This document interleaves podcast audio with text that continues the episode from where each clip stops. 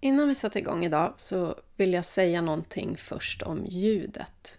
Det blev inte så bra den här gången heller, men vi försöker verkligen. Vi provar olika sätt att spela in. Vi sitter ju inte på samma ställe och spelar in. Eh, så vi försöker lösa det här digitalt på något sätt. Men vi fortsätter att experimentera, så ha överseende.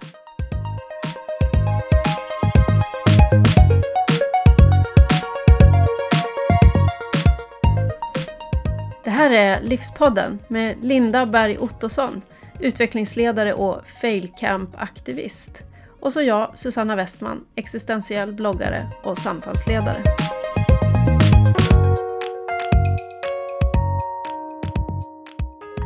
Vi har ju varit ganska misslyckade som poddare på senaste tiden. ja, det får man väl ändå säga. Det är fortfarande lite bittert för att det känns som att vi fick igång ett sånt bra samtal förra gången. Ja, för vi har ju försökt. Det är inte mm. bara det att det har varit sommar och semester och vi kanske inte har varit liksom på tå där vi har tagit paus utan vi har ju faktiskt spelat in ett avsnitt mm. om förväntningar.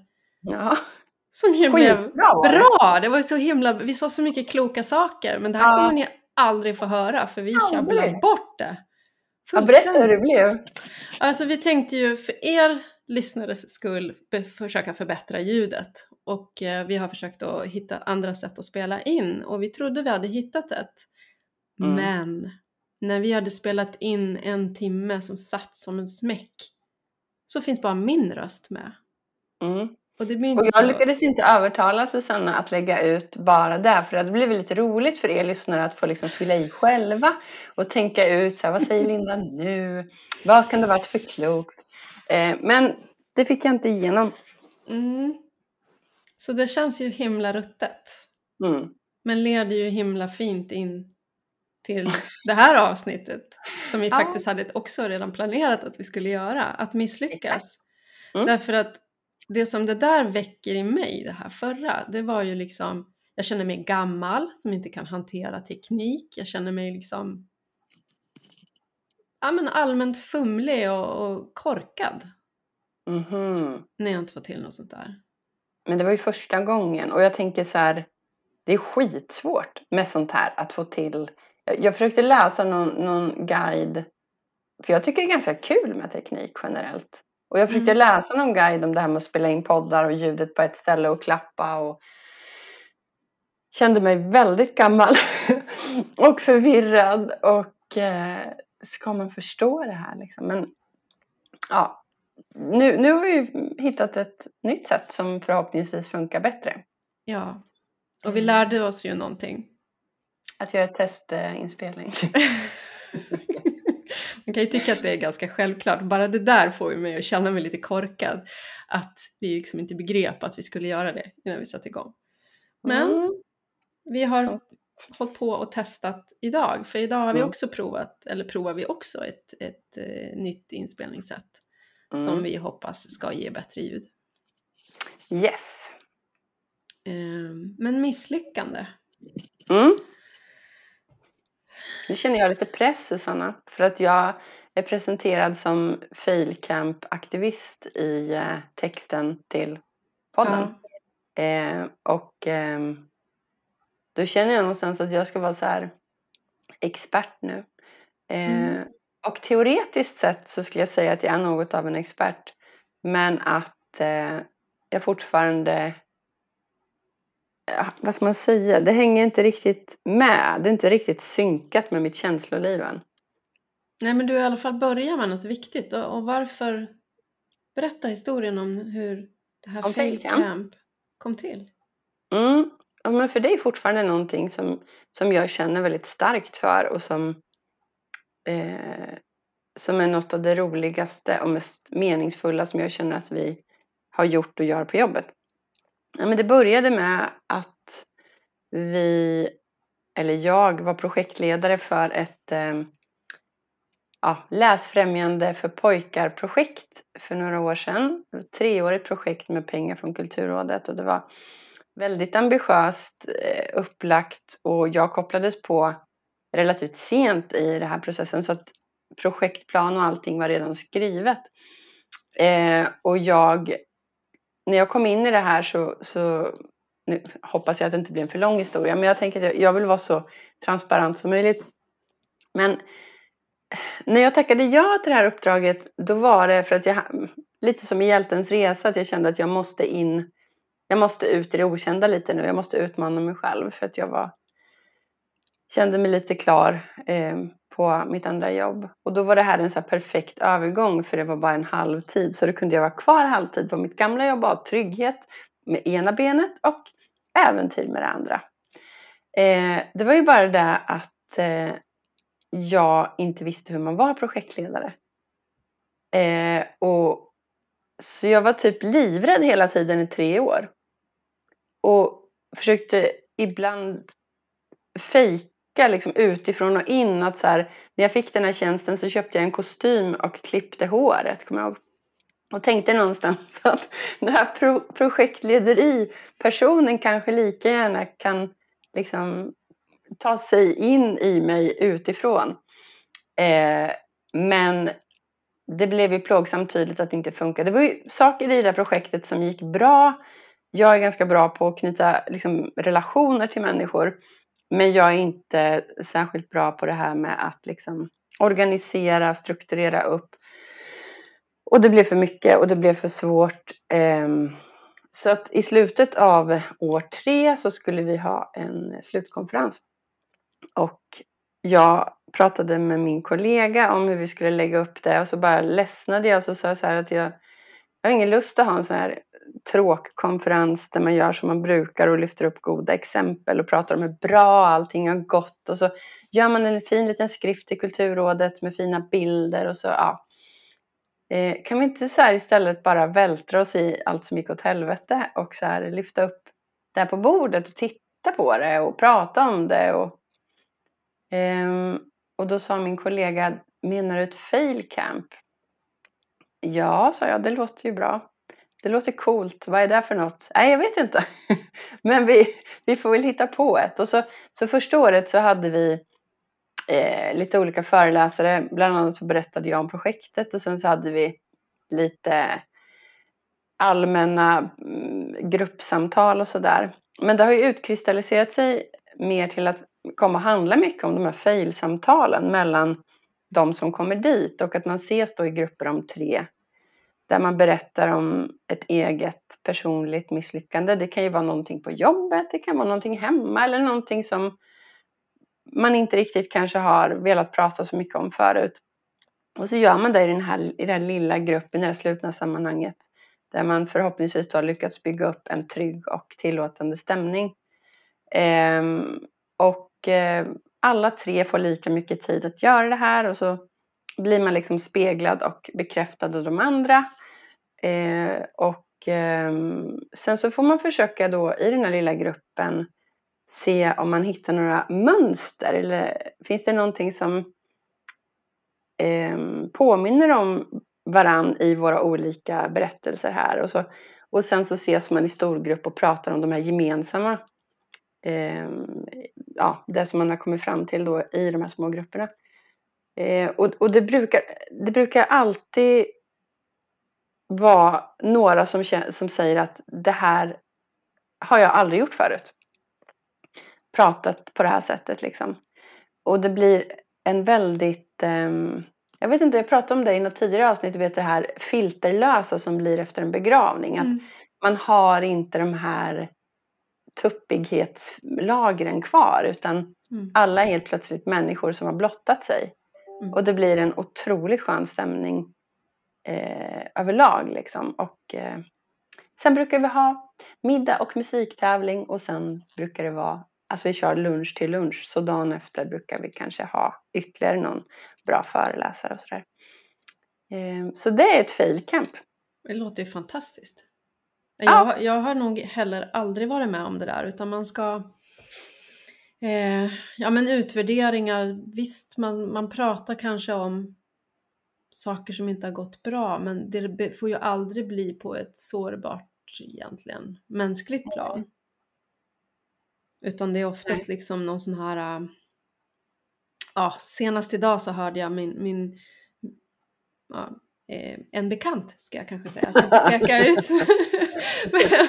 men som har varit på någon typ av så här personligt ledarskap där det var mm. den här attityden att det finns inga misslyckanden. Det finns bara bättre eller sämre, ja vad det nu var för någonting. Men, så peppig liksom. Peppig ja, och mm. då tänker jag på det här uttrycket som jag vet inte om det är Susan David, den här känsloforskaren som har kommit med det, men som pratar om toxisk positivitet. Exakt! För jag vill bara säga, ät skit till den där personen, ursäkta. Ja. Men så känner jag. Ja, för som in, där man inte får ta de här känslorna på allvar. De får liksom inte komma upp till bordet utan istället så ska vi liksom, det är något sådär tillkämpat, eh, det finns inga dåliga resultat. Eh, och så klipper man bort allt det där som släpar efter som människa. Som känns mm. kladdigt och jobbigt och skamligt och ja, alltihopa. Så det där låter ju helt lysande. Det hänger ihop lite tänker jag med det här också som jag pratade om tidigare, konflikträdslan. Att man är så snar att, att skapa god stämning och man blir så sjukt stressad av när jobbiga känslor kommer upp i rummet. Ja. För att man vet inte hur man ska hantera dem för man har ingen träning i det. Nej. Eh, och därför så tror jag att en sån här övning kan vara extremt utmanande för vissa personer. Det tror jag också. Det är ju som du säger väldigt lite och jag tror att det blir för de som växer upp idag är det nog ännu mindre träning när man också lever i dagiskultur där alla får medalj. Mm. Du får liksom aldrig upp, du får, inte, du får väldigt lite utrymme att träna på att du är värd allt som människa fastän det gick åt pipan i det jag gjorde och det känns mm. på det här viset. Mm. Um, jag vet inte om det finns några sådana ytor kvar. Nej och, jag, nej, och jag tänker att vi har ju faktiskt lärt oss tvärtom med känslor just att, att um, vi ska inte, vi ska inte gräva i jobbiga känslor. Vi ska inte fastna i negativt tänkande. Vi ska inte fundera så mycket. Men det gör ju någonstans att allting seglar omkring uppe på ytan. Mm. Och det här du sa om, toxisk negativitet, det, den är ju klockren. Ja. Positivitet. Ja, för man känner den, den känns ju direkt. Och jag tänker det är väl som när folk, när det har hänt något djupt tragiskt i någon människas liv, att vi, vi är så sjukt stressade över att säga rätt sak. Mm. Och vi har blivit infostrade så mycket i det här att tänk positivt. Mm. Eh, och som du sa, det finns inga misslyckanden, bla mm. bla bla. Tänk på alla så citat som sitter på väggarna hemma hos folk. Mm. Eh, det, ja. Ja men varför är det sådär Vad, vad är det i, vad är misslyckande? Vad är det vi pratar om? Varför är det så fruktansvärt laddat? Mm. Jag tänker så här, jag brukar ofta tycka om att börja med att bara titta på ordet. Det, det, säger ju oftast ganska mycket i sig och det kan också dölja eller gömma saker som man inte har tänkt på. Men misslyckad, alltså det talar ju mm. om att att det har att göra med att bli lyckad. Mm. För det är ju verkligen misslyckad. Mm. Misslyckas. Att man har missat målet. Liksom, ja, man har missat ett mål. Mm. Och har vi ett mål, då har vi också automatiskt ett bra och ett dåligt. Då finns det helt plötsligt en skala någonstans. Ett rätt och fel. Ja. Mm. För annars vet vi ju inte om vi har nått vart vi har nått på den här skalan någonstans. Nej. Och det ehm. bestämmer vårt värde. Ja. Ja men det gör ju verkligen det för att det, om man tittar på känslorna också som kopplas runt i det här så är det ju förenat med skam. Mm. Extremt mycket skam. Jag tror inte att jag bara pratar för mig själv utan att det är verkligen eh, någon stark känsla av att andra vänder sig om och tittar på mig med en ny blick efter mm. det här. Mm. Mm. Just den här känslan av att man gör folk besvikna eller på något sätt att deras bild av mig att de kommer på att men gud, jag trodde verkligen hon kunde det här. Eller vad då misslyckades hon med, med den där grejen? Vad pinsamt. Mm. Eh, och så skapar man de här historierna åt liksom andra människor i sitt eget huvud. Mm. Eh, och de kanske inte stämmer överhuvudtaget egentligen. Men det, jag tror att det är jättevanligt. Men det, jag tror att du säger något viktigt när du säger bilden av mig själv. Mm. För det måste ju vara tätt knutet till det. Det handlar om vad vi vill hålla upp i det här skyltfönstret om vad som är jag. Mm. Eh, och så hela tiden så går vi och läser av varandras de där mm. bilderna. Och det jag är rädd för är att du ska göra dig en annan bild av mig än den jag helst vill att du ska se. Har vi personan igång igen nu? Ja, det måste absolut vara kopplat till. Eh, mm. Persona betyder ju mask och en bild mm. är ju en slags mask. Mm. Det är inte den här eh, blottlagda, rena personen eller vad vi ska säga som, som du pratar om dyker upp när ni har de här fail camp där man får blotta de här mm. sakerna och mötas kanske utan den här masken. Ja, det djupt mänskliga liksom. Mm. Det som jag vill åt. ja. ja, det som är under det där. Har du hört talas om det där, nu glömde jag namnet igen, men det här fönstret eh, där det finns eh, fyra olika fönster. Där, ja, vad heter det nu igen? Jag tror du sa förändringens fyra rum eller något sånt. Nej, det är en annan sak. Det. det. finns så mycket, det finns så det många mycket fönster och fina bilder och fönster. Nej, men det här är en eh, som, som jag tänker har väldigt mycket att göra med, känns väldigt mycket Jung. Men det, ett fönster är alltså det som man själv vet om om sig själv och det som andra vet om om en själv. Mm. Och så finns det ett som andra vet om mig men som jag inte vet. Mm. Sen finns det ett som jag vet om mig men som andra inte vet. Och sen så finns det ett som mm. där liksom ingen vet, vare sig jag eller andra om mig själv. Um, och det är också så spännande att tänka på eh, vad egentligen har folk för bild av mig egentligen? Mm. Och hur otroligt obsessed jag har varit och är ska jag säga vid att jag bryr mig så sjukt mycket om det här fortfarande. Mm. Det är ju också en av rötterna till att det känns så hårt att misslyckas. Mm. Det är ju mm. för att man bryr sig mm. så otroligt mycket om det där. Um, jag undrar om det har att göra med att vi är flockdjur. Ja, men det tror jag. Att det verkligen blir det här, vilken rang har jag nu i flocken? Är jag med eller är jag högt, lågt eller är jag inte med alls? Mm. Det låter väldigt rimligt. Och rädslan för att bli eh, ensam. Ja. Och utstött liksom. Och inte, att inte bli förstådd och att inte passa in. Åtlöje är ett sånt här gammalt hedligt mm. ord som passar i det här. Göras till åtlöje. Mm. Det säger ju någonting om att då är det kanske inte bara en person som, som göttar sig i ens misslyckande Nej. utan då är det en flock som vänder sig mm. om. Jag var med om det för några år sedan i ett jobbsammanhang där jag hade fått en idé som jag själv tyckte var jättebra och eh, skulle presentera den för ett gäng som vi har samarbetat en del med. Och då var det en av de personerna i den här gruppen som skratt, han började skratta så mycket åt den här idén. Och han kunde inte sluta skratta. Och det blev också så att han fick med sig flera stycken andra för att han skrattade liksom så hjärtligt. Men jag kände mig, du vet, så här, som att någon högg en kniv i mig. Och jag fick verkligen sitta och kämpa som ett djur för att inte börja gråta.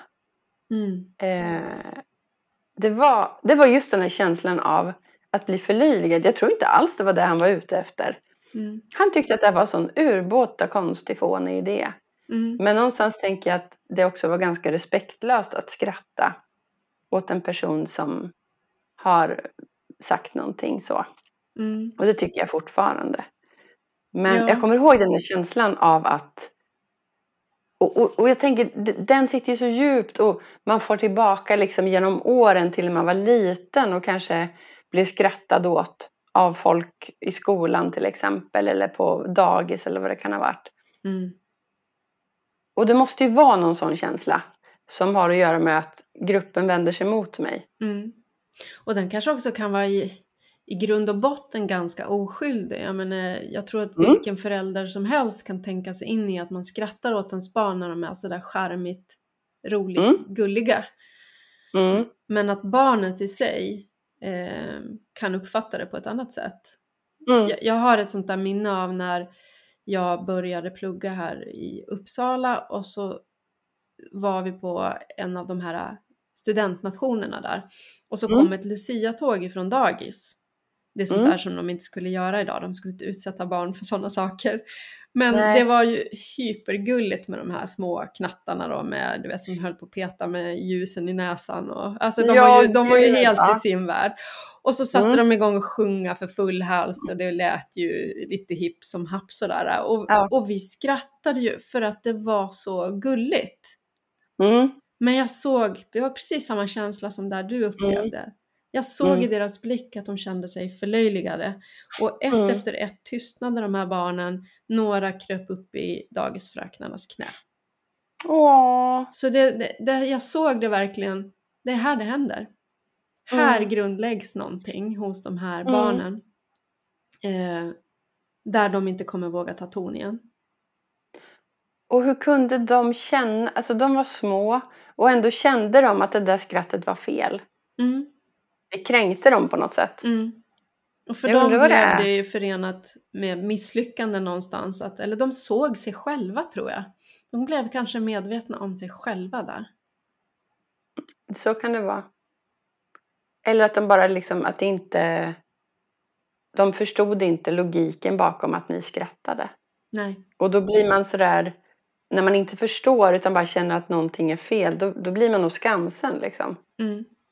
Eh, att reaktionen hos er hörde inte ihop. De, om de kommer in och är så stolta, och nu ska jag inte göra det här värre för dig, om de har tränat och liksom är jättestolta över det här och kommer in och så hade de kanske förväntat sig en annan reaktion. Mm. Så, så kan det ju vara också. Mm.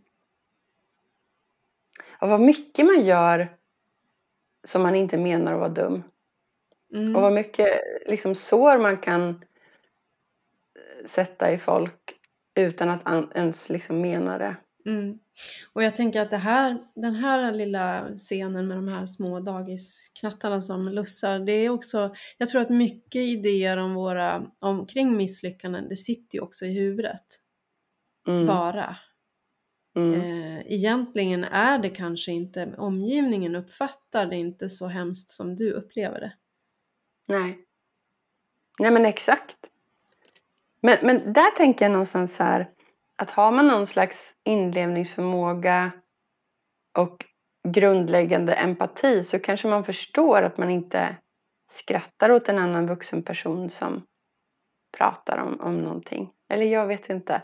Det är väl att jag, jag kanske har för lätt att sätta mig in i hur det blir för andra. Det kan, så kan det också vara såklart. Och att jag överanalyserar och tror att jag förstår hur folk känner och upplever mm. saker. Och det behöver inte alls stämma. Nej. Men jag tänker att ja, vissa saker känns mer, mer konstiga än andra i min värld. Mm. Ja men det är ju ett sätt att, att dämpa antal eh, eh, dåliga utkomster av misslyckanden, alltså att inte nå ett mål sådär. Det vore ju att vi är snällare gentemot varandra såklart. Mm. Men jag undrar också, eftersom vi pratar om, om det här med mål och att det finns ett, ett bra och ett dåligt, den här skalan, kan man Måste man ha den då? Kan man, kan man komma runt det på något vis? Alltså vad som är bra och vad som är dåligt? Ja. Alltså, det, tror jag man kan. Det är praktiskt att veta vad man strävar efter. Att sätta ett jag mål. Att, så. Jo, men är det någonting jag har lärt mig så är det ju att om vi nu ska översätta det här till, till arbetslivet, för jag tänker det finns ju jättemycket eh, fails och misslyckanden i privatlivet såklart. Och de kan vi djupdyka i också. Mm. Men jag tänker spontant på det här med mål i arbetslivet. Att jag hoppas vi har lärt oss någonting av det här projektet då som, som var så svårt att få till. Att det var väldigt detaljplanerat. Det fanns ett tydligt mål, det fanns delmål och det delmålet skulle leda till nästa delmål etc. etc. Eh, men någonstans lär man sig ju på vägen att det går inte att detaljplanera för att verkligheten händer. Människor händer. Relationer tar tid att bygga. Eh, någon kanske slutar på ett jobb. Eh, det händer något i samhället som gör, alltså det, det, finns hur mycket som helst. Och skulle man då börja tänka att alla de här stegen som inte bockas av på grund av förändringar, att det då skulle vara misslyckanden, då, då skulle man bli galen. Och då tänker jag någonstans att det här sättet att tänka lite mer agilt eller liksom tillitsbaserat, att eh, då ser man ju på något sätt, man har helt klart ett mål, eh, men vägen dit kan liksom ta sig nya vägar beroende på hur första sträckan ser ut. Liksom. Mm. Och ibland kan det också bli så att slutmålet ser lite annorlunda ut än vad man trodde i början. För att ja, men det går ju också att titta så vad som har hänt de sista två åren. Det hade man ju inte kunnat räkna ut innan. Mm. Eh, och att vara öppen för det. Att det finns inga vattensäkra mål eller lösningar på saker. Utan man måste hela tiden tänka att det här vet vi nu. Mm. Tänker jag. Ja, men det, jag nämnde ju för dig här att jag har, har upptäckt en alldeles ny meningslöshet och det är liksom, den har lett in mig på, på det där spåret också om någon slags rörlighet i stunden och när, när jag börjar tänka på sådana här saker då brukar det dyka upp idéer och eh, intryck, inspirationer från olika håll som har att göra med det här i samma stund. Eller så mm. som sagt är jag bara helt enkelt plötsligt öppen för att se dem. Men, men en av de mm. där sakerna jag har läst så är det en filosof brittisk som heter någonting väldigt franskt. Jag tror det uttalas franskt. Alain de Botton. Men det kan, det kan också vara väldigt brittiskt uttal säkert. Men, Alan Botton? Alan de Botton. Jag vet mm. inte hur man ska uttala det. Men han vill slå ett slag för slump och tillfälligheter. Mm. När han pratar om framgång och misslyckande. Jag älskar honom redan. Ja, och när du berätt, säger det här om, om den här rörligheten då, agila sättet att kunna ta till sig så som verkligheten ser ut och eh, mm. anpassa sig därefter och till och med justera målet. Fast man mm. är på vägen och inte så här benhårt mm. hålla fast vid att vi ska ha samma mål till slutet utan och så får vi göra ett nytt sen. Eh, mm. Alltså det låter ju som ljuv musik. Har du provat det? Har, har ni haft den öppenheten då och, och prata om, om det på en gång? Att det här går inte ja. som jag tänkt. Ja, det har nog faktiskt, det här har nog börjat liksom äta sig in i hela min person. Så att jag har blivit lite sådär, ungefär som jag reagerar på toxisk positivism så reagerar jag på när saker och ting skrivs i sten. Mm. Eh, för jag tänker, en annan sak som jag gärna vill liksom lyfta en fackla för, eller vad man säger, det är ju att, jag vet inte, har vi pratat om det här förut? Att det personliga är det professionella och vice versa. Det här, den här idén om att man är en annan människa på jobbet mm. än hemma. Vilket jag tycker är bullshit. Eh, och det tänker jag också lira lite med det här. att i takt med att man inser att alla är människor och att alla går och bär på en massa saker och har olika omständigheter som påverkar dem på olika sätt ehm, så är ju också målet med någonting kan ju förändras på grund av att vi är människor. Mm. Och att det blir en annan ödmjukhet och också vänlighet i arbetslivet om man kunde tänka lite mer så. Eh, och sen menar inte jag att allting ska bli sådär jada jada och ja men vadå? Ja, vi hade ett mål med Agenda 2030 och vi ska försöka jobba med det. Nej men det blev inget, det, jag, jag hade en dålig dag. Så att vi, jag orkar inte jobba med hållbarhet längre. Så här. Det, det är inte riktigt så jag menar, utan mer att... Mm. Ja, du förstår vad jag menar. Ja, både, ja, jag förstår ja. precis åt vilket håll dina tankar drar där. Däremot så vet jag inte liksom riktigt på ett konkret plan hur det skulle kunna se ut. För jag har nog aldrig riktigt varit i sådana sammanhang på, på arbetsplatser. Nej, vi har börjat jobba så mer och mer i min närmaste arbetsgrupp. Prata jättemycket om de här frågorna och eh, har också haft samtal med eh, en, eh, jag vet inte vad jag ska kalla det för coach, för det låter så jag vet inte. Vad, säger, vad händer i dig när jag säger coach? Ja, det jag är ju inte så förtjust i det begreppet. Jag har ju en sån Nej. utbildning och jag använder det ju inte själv. Och, och, när jag gick utbildningen så gömde jag permen på tåget, framsidan på mm. permen, för jag ville inte att det skulle synas att det stod coach där. Då känner vi ungefär likadant. Ja. Nej, men den, den här personen jobbar med förändringsledning eh, och hjälper företag med sådana saker. Mm. Eh, och vi har haft eh, dialog med flera från det här stället och eh, just kring det här agila arbetssättet.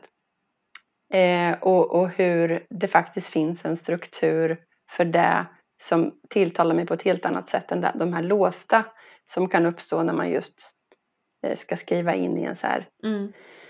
projektplan. Men det måste ju röra till NPM tänket. Att allting ja. ska mätas. För att eh, om man mm. hela tiden är flytande och rör sig så här så kommer ju, alltså det blir ju ganska meningslöst att hålla på och, mm. med det där mätandet då. Ja, och det är väl där tror jag som vi är inne i någon slags här, eh, krocken före paradigmskiftet eller hur man ska uttrycka det. Alltså, mm. det, eh, det är, finns en, en vilja tror jag överlag att eh, ta sig mer till det här tillitsbaserade arbetssättet. Men i en stor organisation så är det ju också väldigt svårt att göra för stora rörelser för snabbt. Det är som liknelsen med fartyg och trimtab igen. Liksom att mm. Man kan inte göra en för häftig rörelse med ratten eller vad det heter på fartyg för då, då åker det omkull utan man får göra små vridningar och eh, det känns som att det är på gång vridningar på lite alla möjliga håll i alla fall. Mm. Det är bara att jag inte har något tålamod och att jag liksom ibland känner att eh, det, är det är svårt att förändra arbetssätt och vi har våra liksom snuttefiltar och go-tos allihop. För vissa är det handlingsplaner mm. eh, och styrdokument liksom. Och det förstår jag och det har jag full respekt för. Men det, så att det, det är ju, det är inte så lätt att förändra. Fast Nej. man vill. Nej. I det hela så kan det ju vila en rädsla för misslyckande. Att det här, det här har vi inte prövat förut, det här kan gå åt pipan. Det här kan ju leda till vad som helst. Liksom hipp som happ och slapp och vad man Absolut, och sen inte ha kontroll. Mm. Eh, det, det, är självklart. Det är ju och så är man den organis organisationen som gjorde så här, man är den chefen som tillät det att bli så här. Och sen står man där med att, eh, ja men ni har ju inte åstadkommit någonting. Sen kommer revisionen som eh, finns i, i alla fall i offentlig verksamhet och slår ner på, men ni har ju inte liksom satt upp några mål. Här, här är det liksom lösa boliner av allting. Och så får man mm. vara den som står där med någon skammössa på sig. Mm. Den rädslan är ju verklig och den behöver vi prata om. Mm. Verkligen. Och, och, det är väl det där, eftersom vi har blivit så indoktrinerade med det här mätandet så tänker jag det här som Jonna Bornemark pratar om att lita på människors kunskap. Hon har ett ord som jag inte kommer på nu och det är inte förnuft heller men arbetslivserfarenhet, alltså alla alla erfarenheter man har samlat på sig under sitt yrkesliv och av att bara vara människa. Att det finns så mycket sånt hos alla människor men man får aldrig tid att göra bruk av det eftersom det ska skrivas en rapport hela tiden. Och jag tänker kanske speciellt på yrken som ja, men inom vården eller inom skolan där så mycket handlar om det här med just erfarenhet. Mm. Och hur det borde få... Alltså det måste ju finnas ett mellanting mellan att mäta in absurdum och att släppa allting hejsan svejsan. Mm. För jag tänker, det handlar ju inte heller om att, för det tror jag annars är väldigt vanligt att man går från en ytterlighet till den andra. Typ bye bye med det där systemet, allt är skit med NPM, nu ska vi köra hardcore tillitsbaserat. Mm. Men till och med jag då som är den största eh, kritiken av NPM förstår ju att det finns värden där också. Mm. Man måste bara hitta, hitta de som får det att liksom som gör saker bättre istället för skälper ens mm. Eh, arbete. Mm. Det, ja, någon slags här balans. Mm. Och prova det här med och det kan bli så tokigt när man säger att vara människa på jobbet för att du kan ju hejdlöst vara dina sämsta sidor för de är ju också människa.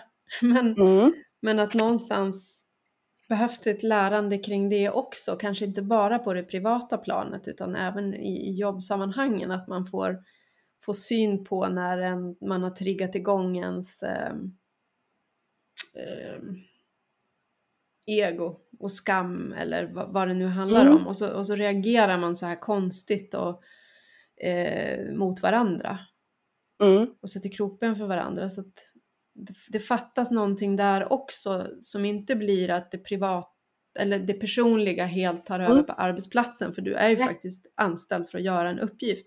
Men du mm. behöver ju också kunna eh, ja, få, få ha en arena där, där du kan få syn på dig själv.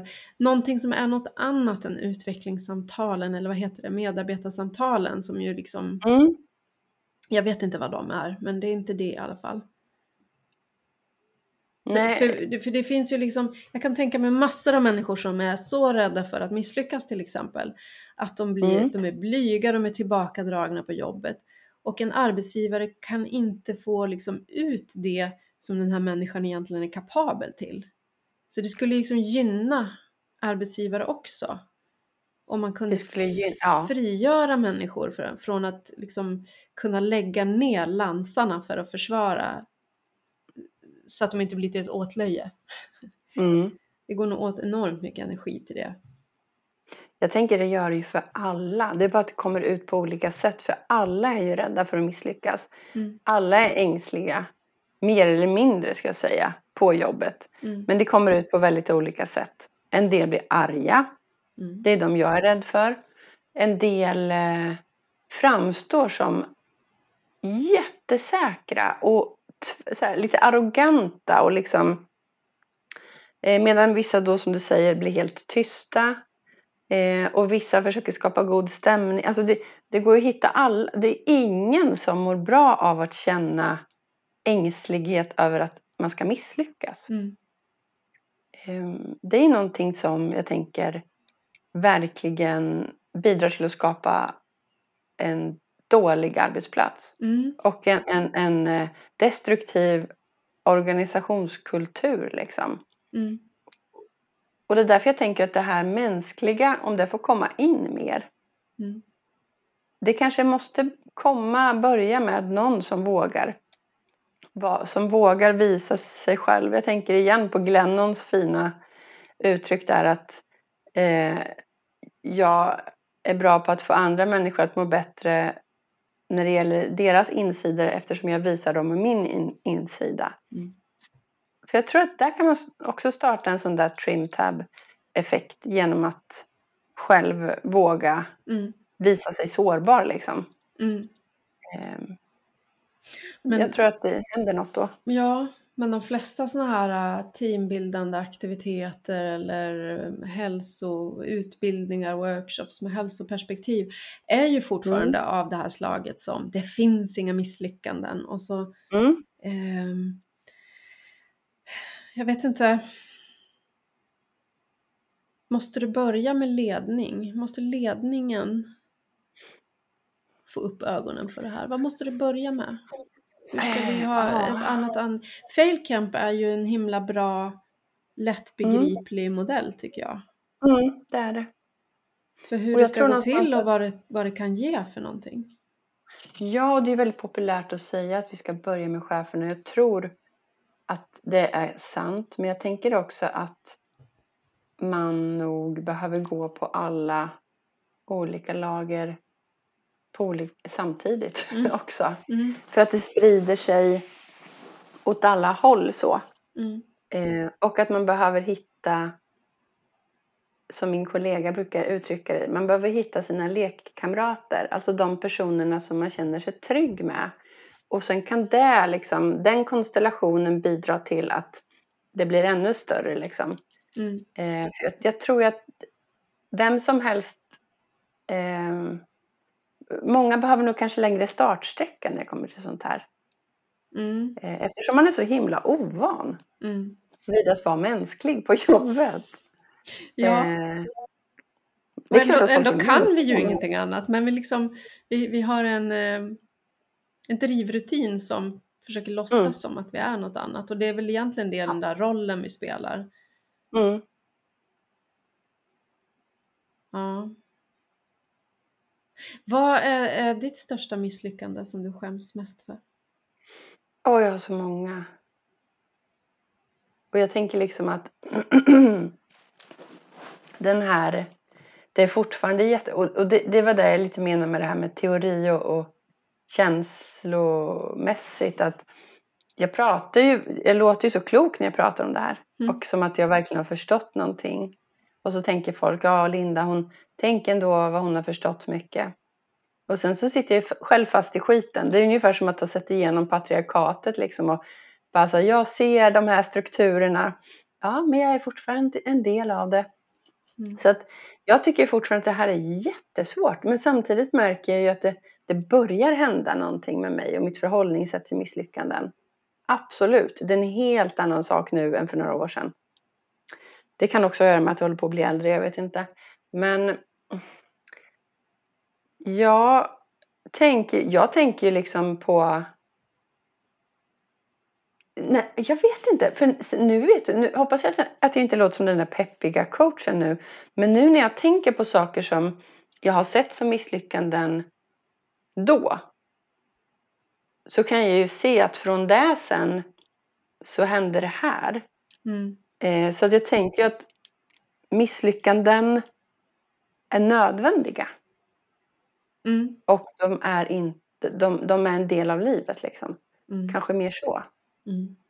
Um, för visst finns det saker jag ångrar och samtidigt tänker jag Ja, jag skulle kunna ångra Jag tänker att du element. behöver inte ångra dem, men, men jag Nej. tänker om sånt här som du mm. Alltså det kanske brände som 17 då och nu har du ett annat mm. perspektiv på det, men mm. Som ett exempel. Ja, men liksom det känns ju som ett misslyckande att skilja sig. Mm, det är en klassiker. Och, ja, och att liksom både vad som föranledde den och hur jag betedde mig och eh, liksom hela den här också så lite skam. Och det här låter så fult för jag har ju aldrig tänkt så om andra. Att, att det skulle vara fult för någon annan att skilja sig. Men för mig själv, och det här är ungefär samma sak som när jag blev sjukskriven för stress på jobbet, att mm. nu är jag en av dem. Mm. Och det där säger ju någonting viktigt, för jag känner igen mig i det där. Det visar mm. ju att jag höjer mig över alla andra. Mm. Som åtminstone jag kommer inte att skilja mig, Nej. eller Säga upp mig och gå in i väggen, eller vad det nu är för mm. någonting. Så är det liksom, det är ett högmod. Yes, det är precis vad det är. Som man fejkar. Ja, och som man har en så ödmjukhet på, liksom, man är så förstående mot andra och det är man. Mm. Men samtidigt så, fast jag, mm. jag är ju annorlunda. Så bara, nej, mm. du är fan inte annorlunda. Du, du är precis som alla andra Linda. Mm. Det gäller bara att du börjar förstå det liksom, på mm. riktigt. Så att det, det har nog varit nyttigt också för ödmjukhet och allt möjligt tänker jag. Mm. Jag mötte, jag, du har ju kört igång sådana här samtalsgrupper igen och jag mötte en kvinna som delade en sån, ja men ett sånt här tillfälle i hennes liv där hon var 25 år tror jag och blev chef och över mm. flera stycken som skulle kunna ha varit hennes mamma.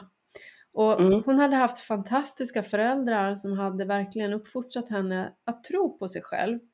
Att mm. du klarar det här. Du, eh, bara du liksom lägger manken till, det finns liksom ingenting som du inte kommer att kunna klara av om du bara anstränger dig. Så, mm. så hon var, hade ett väldigt positivt synsätt på allting. Och sen går det en tid på den här arbetsplatsen och sen helt plötsligt så blir det kallat till ett möte där det visar sig att alla tänker säga upp sig om hon är kvar. Ja, du förstår liksom känslan. Åh oh, gud! Och det visar sig att det hänger på att hon har trott så mycket om sig själv att det de har saknat är att hon inte lyssnar på dem överhuvudtaget. Mm. Eh, och det, det var verkligen en av hennes, alltså hon uttryckte det som att det var så fruktansvärt jobbigt. Det var så nedslående. Men det fick henne att ändra på sig. Det fick henne att bli ödmjuk och det fick mm. henne att börja lyssna. Och mm. därefter, det var det bästa som hade kunnat hänt och att det hände så tidigt menar hon för att sen har hon ju kunnat bli oh, en mycket bättre chef. För hur modigt att bli chef vid 25? Ja. Tänker ju jag då. Ja. Men vad, vad, vad, vad häftigt att hon tog den liksom, att hon lärde sig någonting av det där då. Ja. Och kanske i botten att det fanns den här positiva grundkänslan men hon gjorde ju inte, alltså hon gjorde verkligen klart att det där var så jobbigt. Det var mm.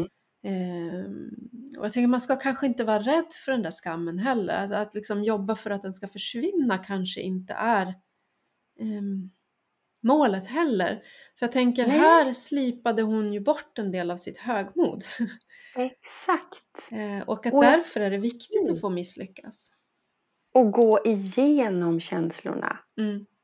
Inte tänka att nu känns det jobbigt, då är det någonting som är fel. För det är också så instinkten som kommer först. Mm. Men det här att liksom gå igenom mm. och förstå att det här är någonting som ska kännas och det kommer kännas ett tag och det är inte fel. Mm. Um, och då är det ju skönt att ha någon att prata med om det för att och få älta lite tänker jag. Ja, och det tankesättet är ju mycket mer hoppfullt att det faktiskt skulle mm. kunna eh, bli någon, någon förändring för att den här skalan mellan bra och dåligt och så här, vi lever ju i en dualistisk värld mm. så, vi, vi funkar ju så, vi, vi kan mm. liksom inte komma ifrån det det kommer alltid finnas det som är värt mer och det, det som är värt mindre tror jag. Eh, mm. Tyvärr är jag lite svartsynt där på, mm. på det området. Men däremot kanske vi kan förändra vår syn på misslyckande med hjälp mm. av varandra och, och, uppnå något sånt där tänk som den här kvinnan tycker jag förmedlade för mig. Att hon kunde Och så är så är, alltså att hon, hon, kan se på det efter ett tag som att här, här finns det någonting att lära mig. Det de säger mm. här är inte för att de bara är dumma utan här finns det någonting som jag kan ta till mig av. Men vad moget, alltså mm. hur många chefer som är betydligt mycket äldre än hon mm. hade inte bara skjutit ifrån sig och tänkt att de mobbar mig och de är dumma och eh, de har mm. fel. Mm. Eh, på något sätt måste det där varit som en drake för henne då. Ja. Som hon... Eh, och egentligen ja. blottlade den väl en slags drake som hon inte riktigt visste att hon hade. Att hon mm. på något sätt var den som kunde klara allting själv. Mm. En sån som jag själv tillhör. Det var väl därför jag drogs ja, till att lyssna det. på den här, verkligen så här, ja, den här uh, hypersjälvständigheten som, som jag mm. eh, fortfarande dras med till mångt och mycket. Jag ska klara mig själv och verkligen, ja. Mm. Men har du något sånt tydligt liksom misslyckande annars? Alltså jag kan komma dela? ihåg en stund av eh, enorm skam när jag eh, inte klarade av att gå till arbetet där när jag var chef. Mm när jag ringde liksom i någon slags förtvivlan och sa upp mig. För då kom jag ihåg att jag sa att jag skäms så mycket. Jag skäms. Alltså att det var den mm. starkaste mm. känslan. Mm. Och det var så bottenlöst svart och hemskt och stort. Mm. Eh, och jag, jag kan ju inte, det går ju inte att jämföra sådana här känslor men jag kan tänka mig att den här kvinnan som mötte det där också, fast hon mötte det utifrån, jag mötte det inifrån. Mm. Det är lite lika känsla ändå. Mm. ja men absolut. Jag hade som en hel inre kör istället utav inre mm. anställda mm. som skulle hålla check ja. på mig, liksom, som står där mm. och säger bara om du fortsätter så här liksom, så checkar vi ut. För det var liksom mm. ungefär vad som hände, min kropp liksom, vi, vi drar nu. Just jag tänker inte fortsätta ha dig som chef.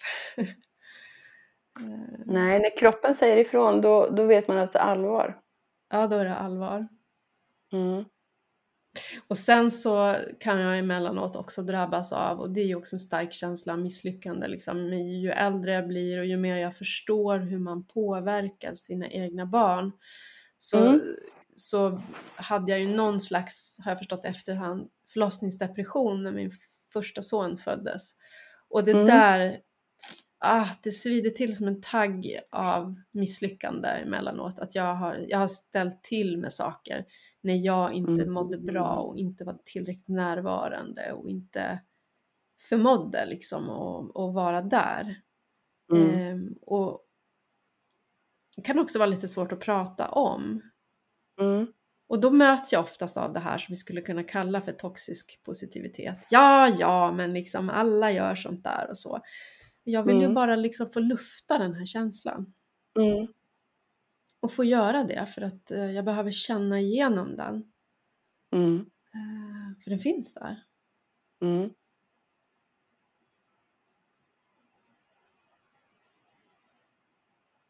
Var, eh, var det under en lång tid som du mådde dåligt då? Mm.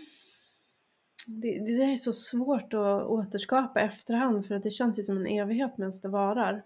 Men jag skulle tro mm. att det var inte en evighet. Det var kortare tid. Um, och, och som, precis som med allt annat i mitt liv så ska jag ju lösa det själv då. Mm, såklart. Ja, så att ingen fick ju riktigt veta hur jag mådde inombords. Inte ens min dåvarande man, Nej. barnens pappa, fick veta. Okej. Okay, hur ja. det var. Utan det här tror jag jag började prata om när jag gick den här kursen Existentiella samtalet på Södertörns mm. högskola. För där där var vi ju inne, vi läste ju alla de här filosoferna och alla pratade om alla de här livssituationerna. Så där blev det naturligt på något vis att börja prata om det här. Och det var faktiskt mm. då som en person som ju jobbar som barnmorska sa att du hade ju en förlossningsdepression. Jag har faktiskt inte sett mm. på det så tidigare men ja, det kanske var så. Vad bra att du pratade om det. För ja. det är ganska skönt att få ett namn på saker och förstå det. Ja. Lite bättre. Och jag tror att det där var en sån här miljö som du beskriver där vid dina fail camps där många pratade mm. om såna här svåra saker och det blev liksom, man la ner garden. Mm. Måttstockarna ramlade i golvet liksom och, och alla mm. blev bara det de var. Mm. Utan alkohol. Helt utan alkohol. ja. ja.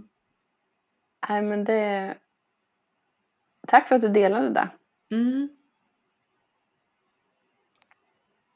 Det säger ju någonting om att det här, alltså tänk vad mycket grejer vi går och bär på som vi tycker att vi har misslyckats med och som vem som helst skulle säga till oss eller som vi själva skulle säga till vem som helst att men du, det där är inget misslyckande. Det där är mänskligt. Ja. Att, ja.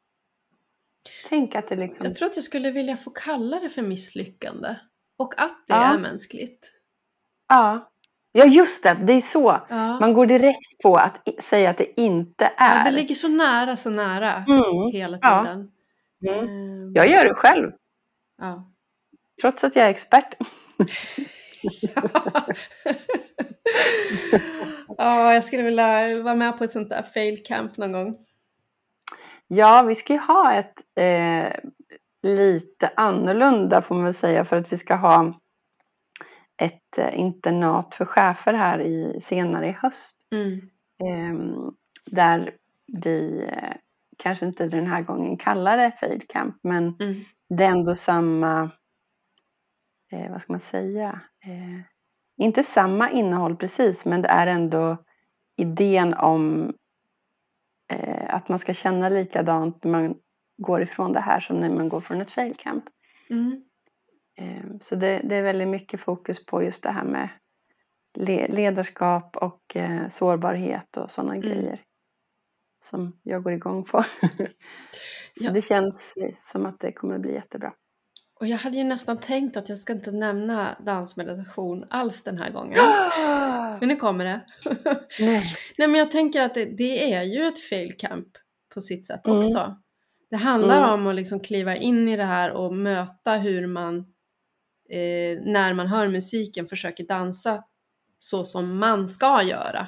Men mm. att upptäcka liksom låsningen i det och att det egentligen är väldigt svårt att vara som man ska vara och att sen mm. när man gör det på sitt eget sätt, när man vågar göra det och stå för det inför andra, mm. eh, som andra kan kalla för ett misslyckande om de vill, men eh, friheten i det.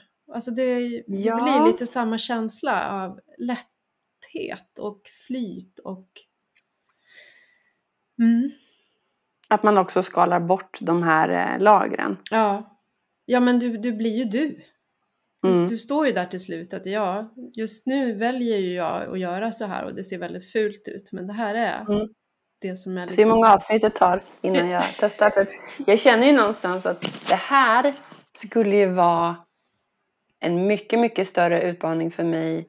Eller en större, vad ska man säga? Det skulle ju vara ett bättre field camp för mig. Mm. Eftersom prat är min go-to. Jag kan prata om vad som helst med vem som helst. Jag tycker bara det är härligt. Mm. Eh, I princip nästan alltid.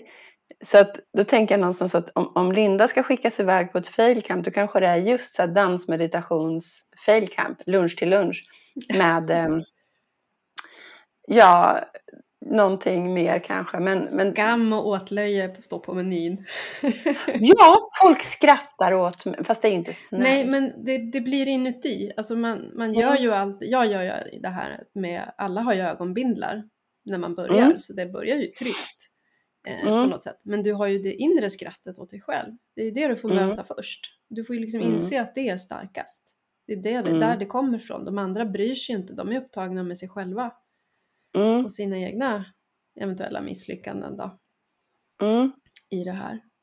Um, ja. ja, vi kanske skulle slå... Kan man ha binden sen?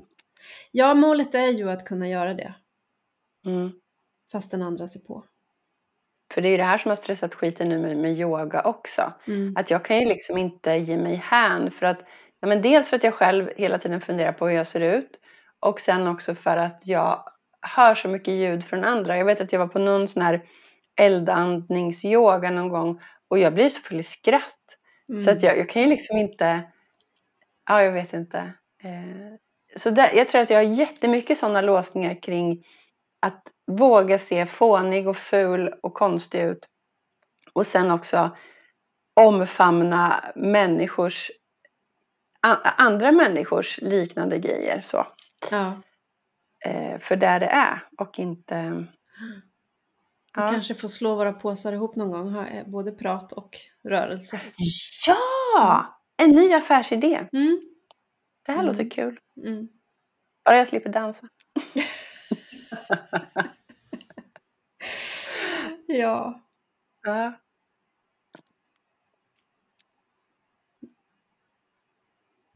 Ja, vad har vi mer att säga om misslyckande då?